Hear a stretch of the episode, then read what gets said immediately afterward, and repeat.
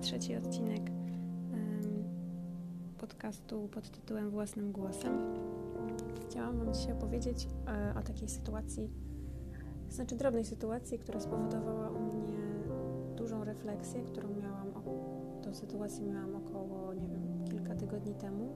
Mm, otóż jechałam sobie metrem na uczelnię, no i tak jak wiecie, tak jak zwykle są e, takie różne banery z reklamami, człowiek siedzi i już tam wiadomo, nie chce się zawsze tak po wszystkich ludziach patrzeć, bo to tak często niegrzecznie, chociaż ja przyznam się, że lubię e, patrzeć e, na twarze ludzi, ich obserwować, no ale wiem, że nie każdy może się czuć wtedy komfortowo, więc coś trzeba zrobić z tymi oczami i albo można je przenieść na te telewizorki i poczytać sobie o wiadomościach sportowych i innych takich rzeczach.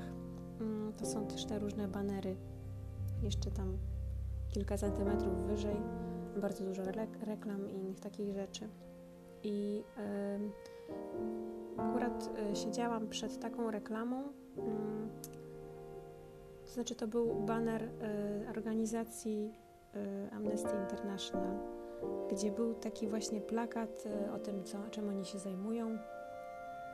I to wyglądało mniej więcej tak, że były, mm, była jakaś taka chyba mapka i tam były pozaznaczane jakieś punkty.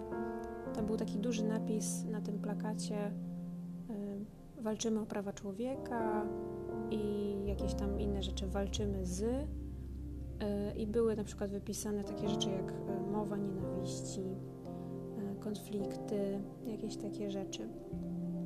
No i tam było oczywiście tam podana jakaś strona internetowa i głównie cel był taki, żeby zachęcić, żeby no, wpłacać pieniądze na tej organizacji, żeby oni mogli walczyć y, z tym wszystkim złem na świecie. No ja tak sobie patrzyłam na to, y, tak się wpatrywałam w ten, ten plakat i tak zaczęło do mnie przychodzić taka myśl, jeju, o co w tym wchodzi wszystkim? To znaczy, dlaczego ja mam wpłacać pieniądze na jakąś organizację, która mówi, że będzie dzięki moim pieniądzom walczyć na przykład z mową nienawiści. po prostu y, nie mogłam uwierzyć, jak strasznie absurdalne mi się to wydaje. Już pomijając, znaczy nie chcę tutaj też hejtować samej organizacji, że akurat to jest Amnesty International czy coś, ale sam fakt tego, że żyjemy cały czas w takim poczuciu jakiejś takiej tak zwanej kontroli spoza, że my mamy takie poczucie, że jak przekażemy gdzieś pieniądze, to jeszcze to, to znaczy, że wtedy ktoś zajmie się walką ze złem na świecie, a my jesteśmy tak naprawdę, możemy się czuć zwolnieni z odpowiedzialności yy, za, za dane zło, które przecież nie dotyczy tylko, że ono nie jest, wiecie, gdzieś tam za granicą, że ono nie jest gdzieś tam tysiąc kilometrów od nas, tylko wszyscy w tym żyjemy. I po pierwsze właśnie jest, mam, mam, wrażenie, że to może wynikać z takiego mm, poczucia, że ja nie mam kontroli i wtedy przekazuję pieniądze i liczę na to, że ktoś inny się tym zajmie. I takie też, no, tak jak z tego też wynika, takie zrzucenie odpowiedzialności. To znaczy, jeśli, mówię się w takiej sytuacji, jeśli ktoś faktycznie przekazuje pieniądze na takie organizacje i liczy na to, że, że, że to coś zmieni. Może, może za bardzo tutaj podchodzę krytycznie do tego, może faktycznie coś tam się zmienia, ale ja naprawdę myślę, że nie trzeba mm, inwestować e, swoich środków w takie organizacje, ponieważ, tak jak mówiłam, y, te, jakaś tam, ten slogan właśnie mnie tak uderzył, ta, ta, ta mowa nienawiści, która się tak E, no, ten, to hasło jest takie teraz e, od tej tragedii w Gdańsku bardzo takie, że tak powiem, na czasie, jakby dużo, dużo osób używa tego słowa, tego wyrażenia. E, że, że, że ta mowa nienawiści zostanie zwalczona poprzez te pieniądze. Ojej, um, tak jak powiedziałam właśnie, że, że jest to poczucie kontroli y, tak jak zewnętrzne i odpowiedzialność taka zrzucona, to, to jest po pierwsze. A po drugie, y, ja głęboko wierzę w to, że mm, że nie ma czegoś takiego, to znaczy, że absurdem jest walka z jakimkolwiek złem, ponieważ no, zło to nie jest coś takiego, że, że jak my damy od siebie więcej zła, to to zło zniknie. Ponieważ jeżeli już mówimy o złu, to ono się, ono się karmi właśnie jeszcze większym złem, jeśli można to tak filozoficznie ująć. A wracając do tego poczucia właśnie odpowiedzialności, bardzo mnie właśnie ten, to hasło mowa nienawiści poruszyło, dlatego że my żyjemy tutaj, wszyscy jesteśmy jakby, tworzymy to, nie, nie odkrywamy Ameryki, ale wszyscy tutaj razem żyjemy i tworzymy sobie to społeczeństwo i właśnie tak jak wspominałam, to nie jest tak, że jak my przekażemy pieniądze, to ta mowa nienawiści zniknie gdzieś tam, bo my przekazaliśmy 5 zł miesięcznie na organizację i my mamy poczucie, że walczymy z nienawiścią. Czy nie lepiej byłoby zwrócić uwagę na to, jak sami postępujemy w ciągu dnia i zwrócić uwagę na własną nienawiść do, e, do koleżanki, do znajomego, do sąsiadki, do szefa, może do męża, do żony, dziewczyny, chłopaka? Bo to naprawdę to się wydarza tutaj. To nie jest tak, że to się wydarza gdzieś indziej. Oczywiście gdzieś indziej też się wydarza, ale my nie możemy tego kontrolować. Jedyne, co możemy kontrolować, to własne zachowanie, a to jest naprawdę ogromna rzecz. Także i myślę, że jakby cały czas jesteśmy, cały czas gdzieś na to łapiemy. To znaczy myślimy, że jak gdzieś coś przekażemy, e, to, to, to, się, to, to się zrobi gdzieś tam. Wiecie, no to, to jest takie jakieś myślenie takie, no, powiedziała, bardzo niedojrzałe. No. Chciałabym Wam tutaj przeczytać e, fragment z pewnej książki pod tytułem Chrystus rodzi się w Tobie, autorstwa Kima Michaelsa, właśnie na temat um, tego zła, um, o którym mówiłam, że, że ta walka, um, walka ze złem może nie jest koniecznie jakaś najlepsza. Widzicie, umiłowani, po prostu nie uda Wam się usunąć zła z ziemi. Aby dostrzec dlaczego, wejdźcie w nocy do pokoju i zgaście światło. Jesteście teraz w ciemnym pomieszczeniu. Chcę, byście zastanowili się, jak możecie usunąć z niego ciemność. Czy możecie zapakować ją do toreb i wyrzucić przez okno? Oczywiście nie, ponieważ ciemność nie ma substancji ani żadnej rzeczywistości. Ciemność jest nieobecnością światła. Wnieście światło, a ciemność natychmiast zniknie. No właśnie, myślę, że, że, że, ten cytat, y, ten fragment z książki bardzo nieźle wyraża to, co próbuję przekazać. I tak samo jest, można podać przykład, y, też nie, nie zacytuję tego tak y, dosłownie, ale też bardzo zawsze ujmował mnie taki fragment z, z serii o Harry Potterze. Jak to było akurat w filmie, nie wiem czy w książce było tak samo. Jak była trzecia część, uczniowie przyjechali do Hogwartu na właśnie tam Harry był na trzecim roku i mm, Dumbledore powiedział do wszystkich uczniów, że w tym roku będą gościć dementorów ze Skabanu i mówił, żeby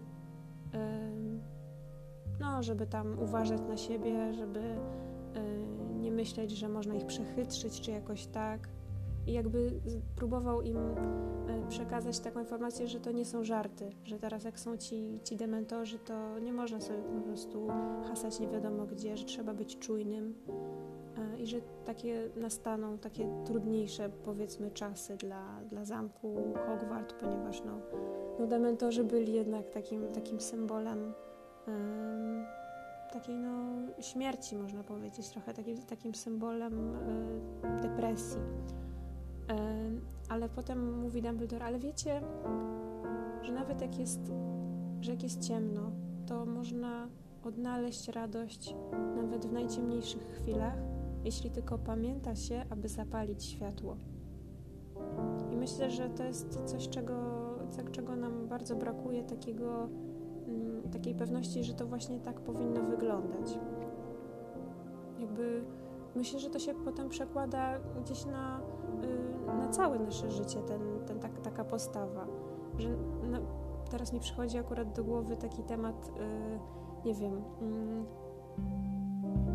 no teraz mi się nasuwa akurat taki temat w wychowywaniu dzieci, ponieważ ja y, no, studiuję psychologię i mamy teraz takie zajęcia o umiejętnościach wychowawczych i mówiliśmy dużo o tym przy okazji trudnych zachowań dzieci, że dużo rodziców skupia się na czymś takim, że jak już jest trudne zachowanie, to tylko bazują na karach, konsekwencjach, wytykaniu, a bardzo trudno im jest pochwalić dziecko i zwrócić uwagę na to, co jest dobrze. I no może to nie jest taka dokładna analogia, bo nie chodzi mi o to, że dziecko jest złe, czy coś jest takie zło straszne i trzeba z nim walczyć, ale może gdzieś tam jednak to się, to się trzyma, że y, zapominamy, żeby wnieść to światło po prostu, a wtedy ono rozprasza ciemność.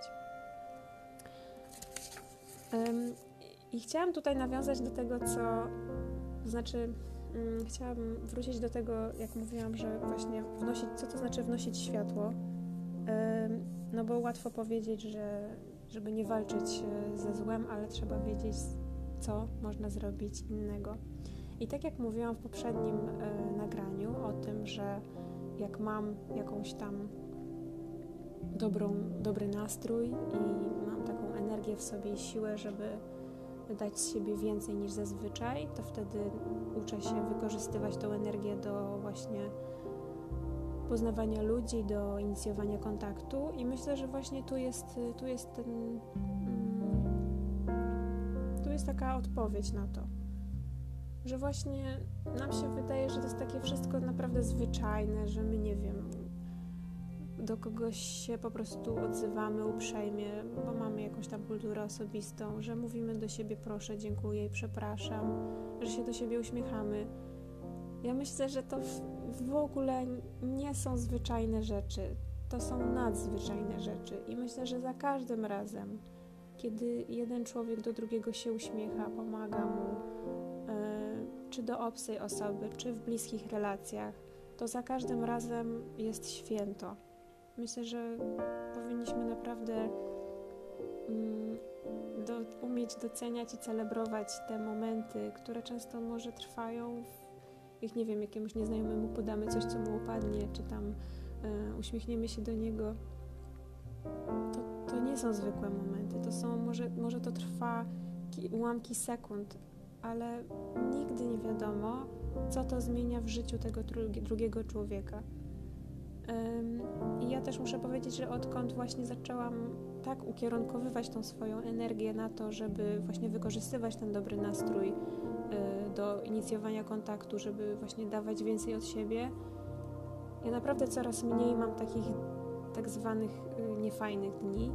To po pierwsze, a jeśli już przychodzę jakaś taka, nie wiem, na uczelnię, czy gdzieś tam sobie funkcjonuję na takich niższych obrotach, bo, bo nie wiem, właśnie mam gorszy nastrój, nie wiem, nie wyspałam się albo coś tam się dzieje akurat w życiu, że, że sobie gorzej radzę, to ile już miałam takich momentów, że nagle pojawił się ktoś inny lub kilka osób zupełnie ze sobą niezwiązanych, które mi, pomogły, które mi pomogły z tego wyjść, że to jest po prostu coś niesamowitego. I ile razy było tak, że zaczynałam dzień w jakimś niefajnym humorze, a y, ludzie mi pomogli y, po prostu no, swoją dobrą energią, którzy, którzy mieli po prostu, postanowili tak po prostu dać coś od siebie mi więcej, kiedy tym razem ja byłam powiedzmy takim małym wampirkiem energetycznym, który potrzebował wsparcia i mimo, że to nie prosiłam, nie mówiłam daj mi, bo ja się źle czuję, tylko po prostu samo bycie z tymi osobami, jakaś rozmowa, trochę pożartowania, trochę żartowania, yy, kilka, kilka wesołych myśli i już po prostu wszystko się odmienia.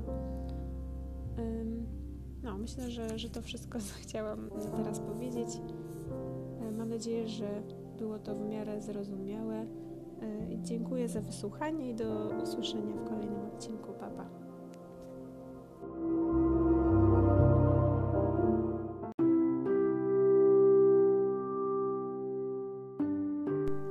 Cześć wszystkim, z tej strony Ula, a to jest czwarty odcinek e, mojego podcastu pod tytułem Własnym Głosem. Dzisiaj nie nagrywam sama, ponieważ zaprosiłam do rozmowy mojego drogiego chłopaka Michała. Cześć Michał. Witam wszystkich. E, postanowiliśmy nagrać coś tym, tym razem razem e, dla odmiany i dla próby. Jeśli chodzi o to, o czym chcemy rozmawiać, pomyślałam, że zadam Michałowi bardzo trudne pytanie, a mianowicie jak jest w związku, który trwa już 7 lat, czyli w naszym związku, który trwa już 7 lat. Chciałabym, Michał, żebyś mi powiedział, um, jak to jest być, być tyle lat w związku z jedną osobą. Ale przepraszam bardzo, temat naszego nagrania miał być trochę inny. Ale tak, jak już takie pytanie padło, to moim zdaniem, po tym co razem przeszliśmy i, i to jak wygląda nasz, nasz związek, jestem bardzo pozytywnie zaskoczony i jest to coś, do czego bardzo chętnie wracam. Do czego wracasz? No, do naszego związku. Za każdym razem, jeśli jest tylko możliwość, to bardzo chętnie przychodzę. Bardzo chętnie chcę się z Tobą na przykład widzieć, pomimo upływu tylu lat. Bardzo, bardzo ciekawie jest spędzać z Tobą czas w inny, niekonwencjonalny sposób, na przykład rozmową co jest często zaniedbywane wśród e, związków. Rozmowa jest taką rzeczą, która, która nie ma miejsca. Raczej są kłótnie, niewyjaśnione sprawy, a u nas jednak jest, jest tak, są takie momenty na przemyślenie. No to prawda, no, staramy się raczej rozmawiać ze sobą, chociaż y, też jest tak, że to gdzieś tam myślę ewoluowało przez te, te lata, że y, nie było tak od razu, żebyśmy byli na tyle też tak myślę dojrzali i tacy tak bardzo refleksyjni co do tego tematu, że to naprawdę trzeba często usiąść i ze sobą porozmawiać, tylko no przynajmniej ja tak to widzę, no bo no my się poznaliśmy w liceum, kiedy no, ta świadomość nasza dzisiaj, a ta, y, kiedy byliśmy w liceum, jest trochę inna, przede wszystkim jeśli chodzi o budowanie związku.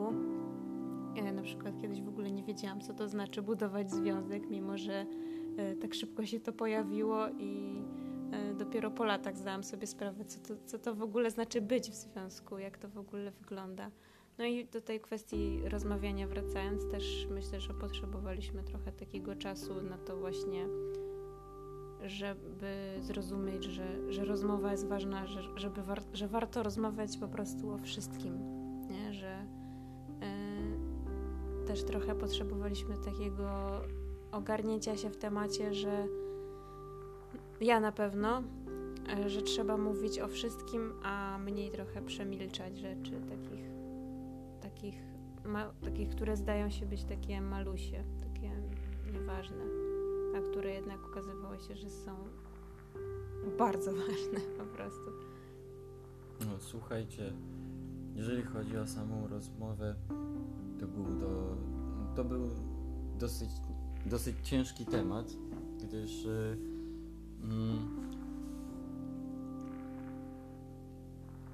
było tak, że nigdy nie byłem, mm, nigdy nie, nie było takiej możliwości, żeby komuś o czymś powiedzieć. I kiedy się nadarzyła okazja, żeby porozmawiać e, z Ulą, to nagle występowała jakaś blokada. I to było coś, co trzeba było przezwyciężyć przez dobre kilka lat. Kiedy już to się zaczynało klarować, już te rozmowy nabierały jakiegoś sensu i staliśmy się można powiedzieć, bardziej otwarci wobec siebie, było to, było to coraz, coraz y, ciekawsze.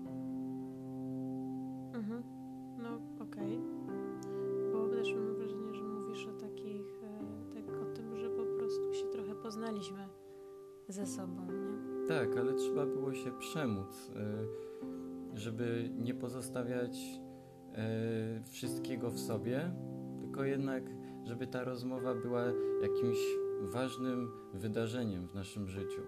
Żeby to nie, nie, nie było takie głęboko skrywane, tylko żeby można było się podzielić z drugą osobą. Mhm, mhm.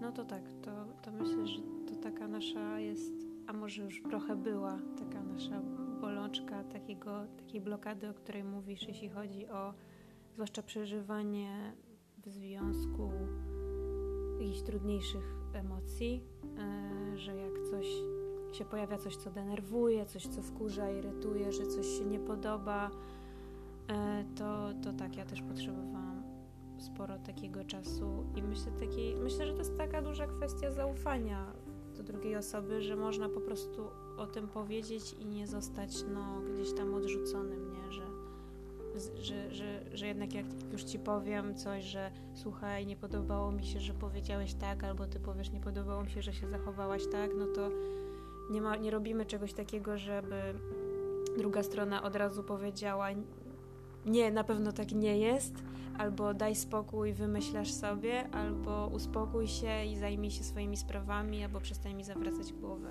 Tylko, tylko raczej no, mamy jednak taką chyba fajną tą cechę gdzieś tam już wynikającą z dojrzałości, że no weźmiemy jakoś na warsztat to, co ta druga osoba mówi, raz lepiej, raz gorzej, to weźmiemy pod uwagę.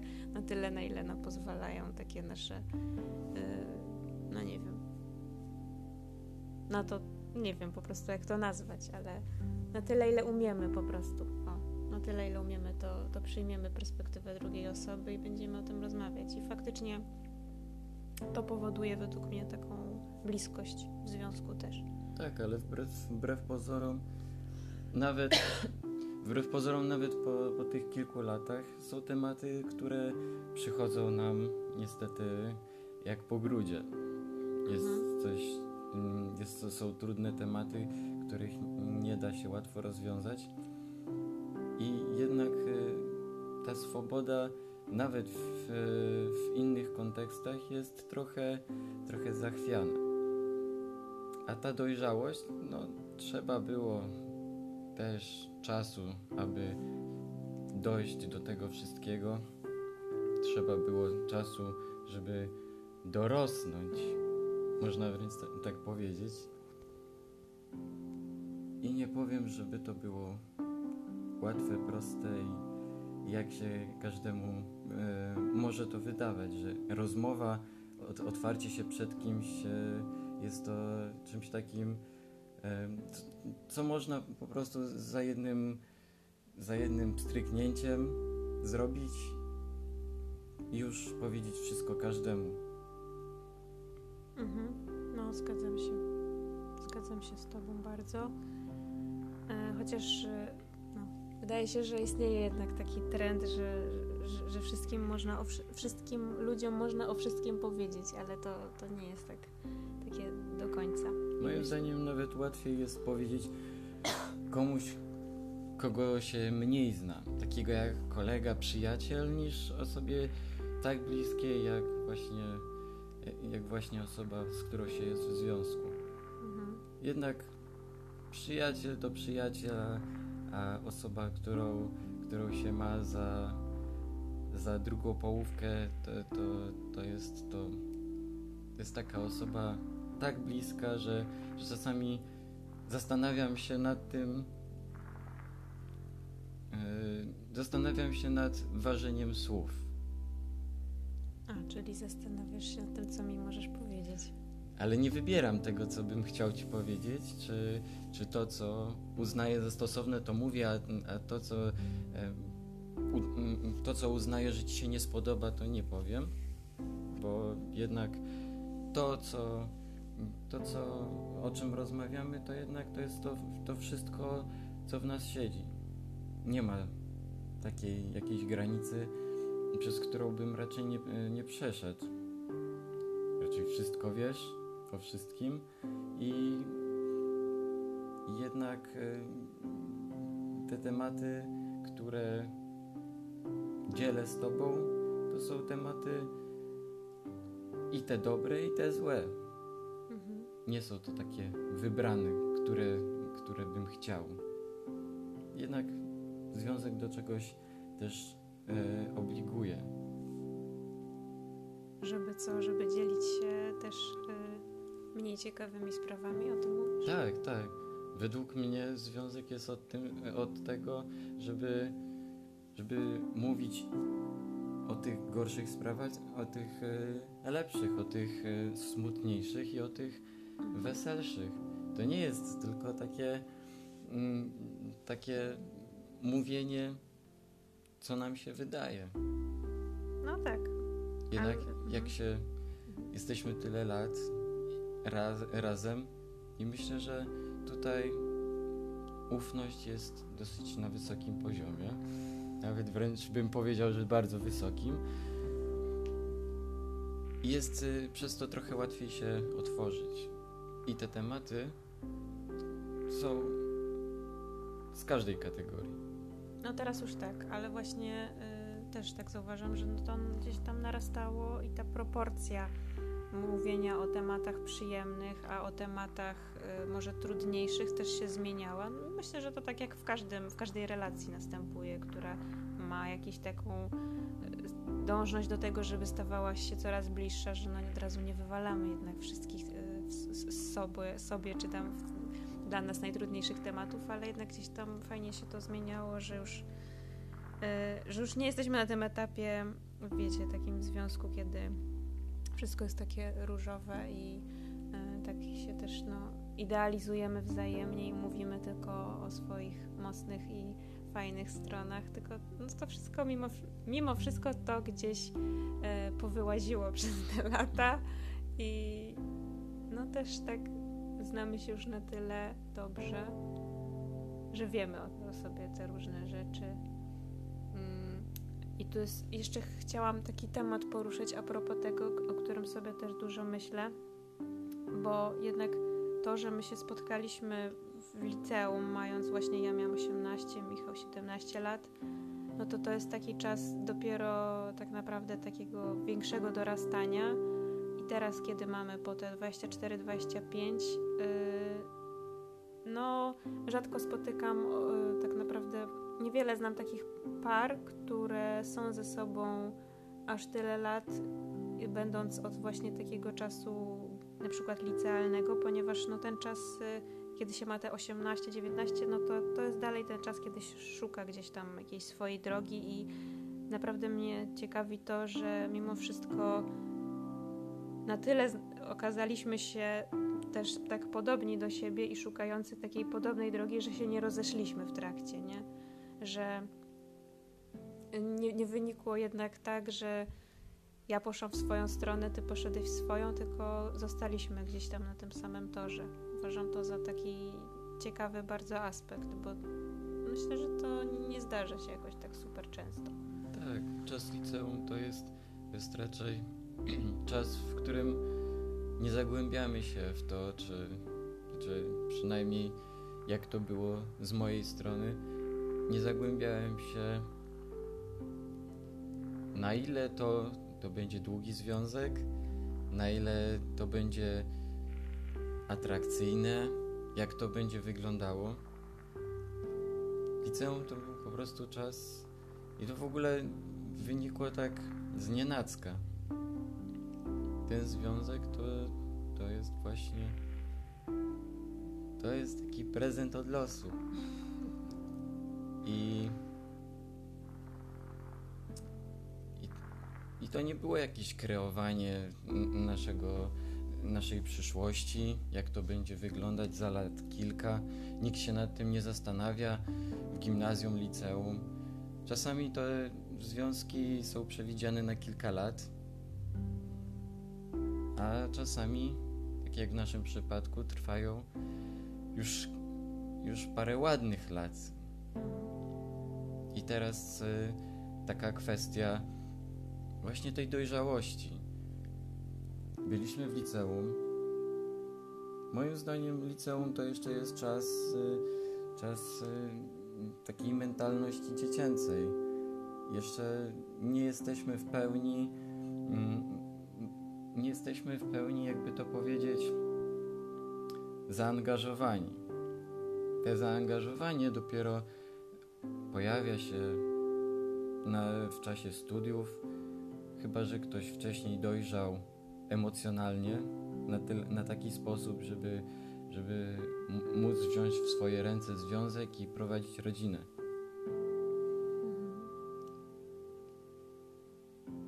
Jest to. Jest to. Tak, związek jest takim tematem, o którym można bardzo dużo mówić. Nasz związek też, ze względu na to, że trwa i trwa, jest bardzo długi, bardzo urozmaicony czasami. I naprawdę to, że wytrzymaliśmy ze sobą tyle lat, to jest, to jest coś pięknego. Ja się, ja się bardzo cieszę z tego, że takie coś się utrzymało. Ja też się bardzo cieszę i, i gdzieś tam, nie wiem jak ty dokładnie to widzisz, ale ja jakoś widzę to tak, że te 7 lat, które teraz mija, to jest jakiś taki nasz etap, który rozpocznie nowy etap. Tak, ale za każdym razem się czegoś, się czegoś uczymy od siebie. Za każdym razem rok następny jest dla nas nową nauką. Tak. No, trochę mi uciekła myśl teraz, nie wiem co chciałam powiedzieć. Yy, no, nie wiem, jakieś masz jeszcze yy, przemyślenia większe na ten temat? Tak jak mówiłem, związek to jest temat rzeka, można o nim opowiadać, a patrząc na czas, nie wiem, czy się komuś będzie chciało słuchać aż tyle o naszym związku, także myślę, że można zrobić pauzę i można ewentualnie, jak się spodoba, odcinek, to nagrać następny. Dobra, to y, w tym miejscu będziemy kończyć. Dziękujemy bardzo za wysłuchanie i do usłyszenia w kolejnym odcinku. Pa, pa. Na razie.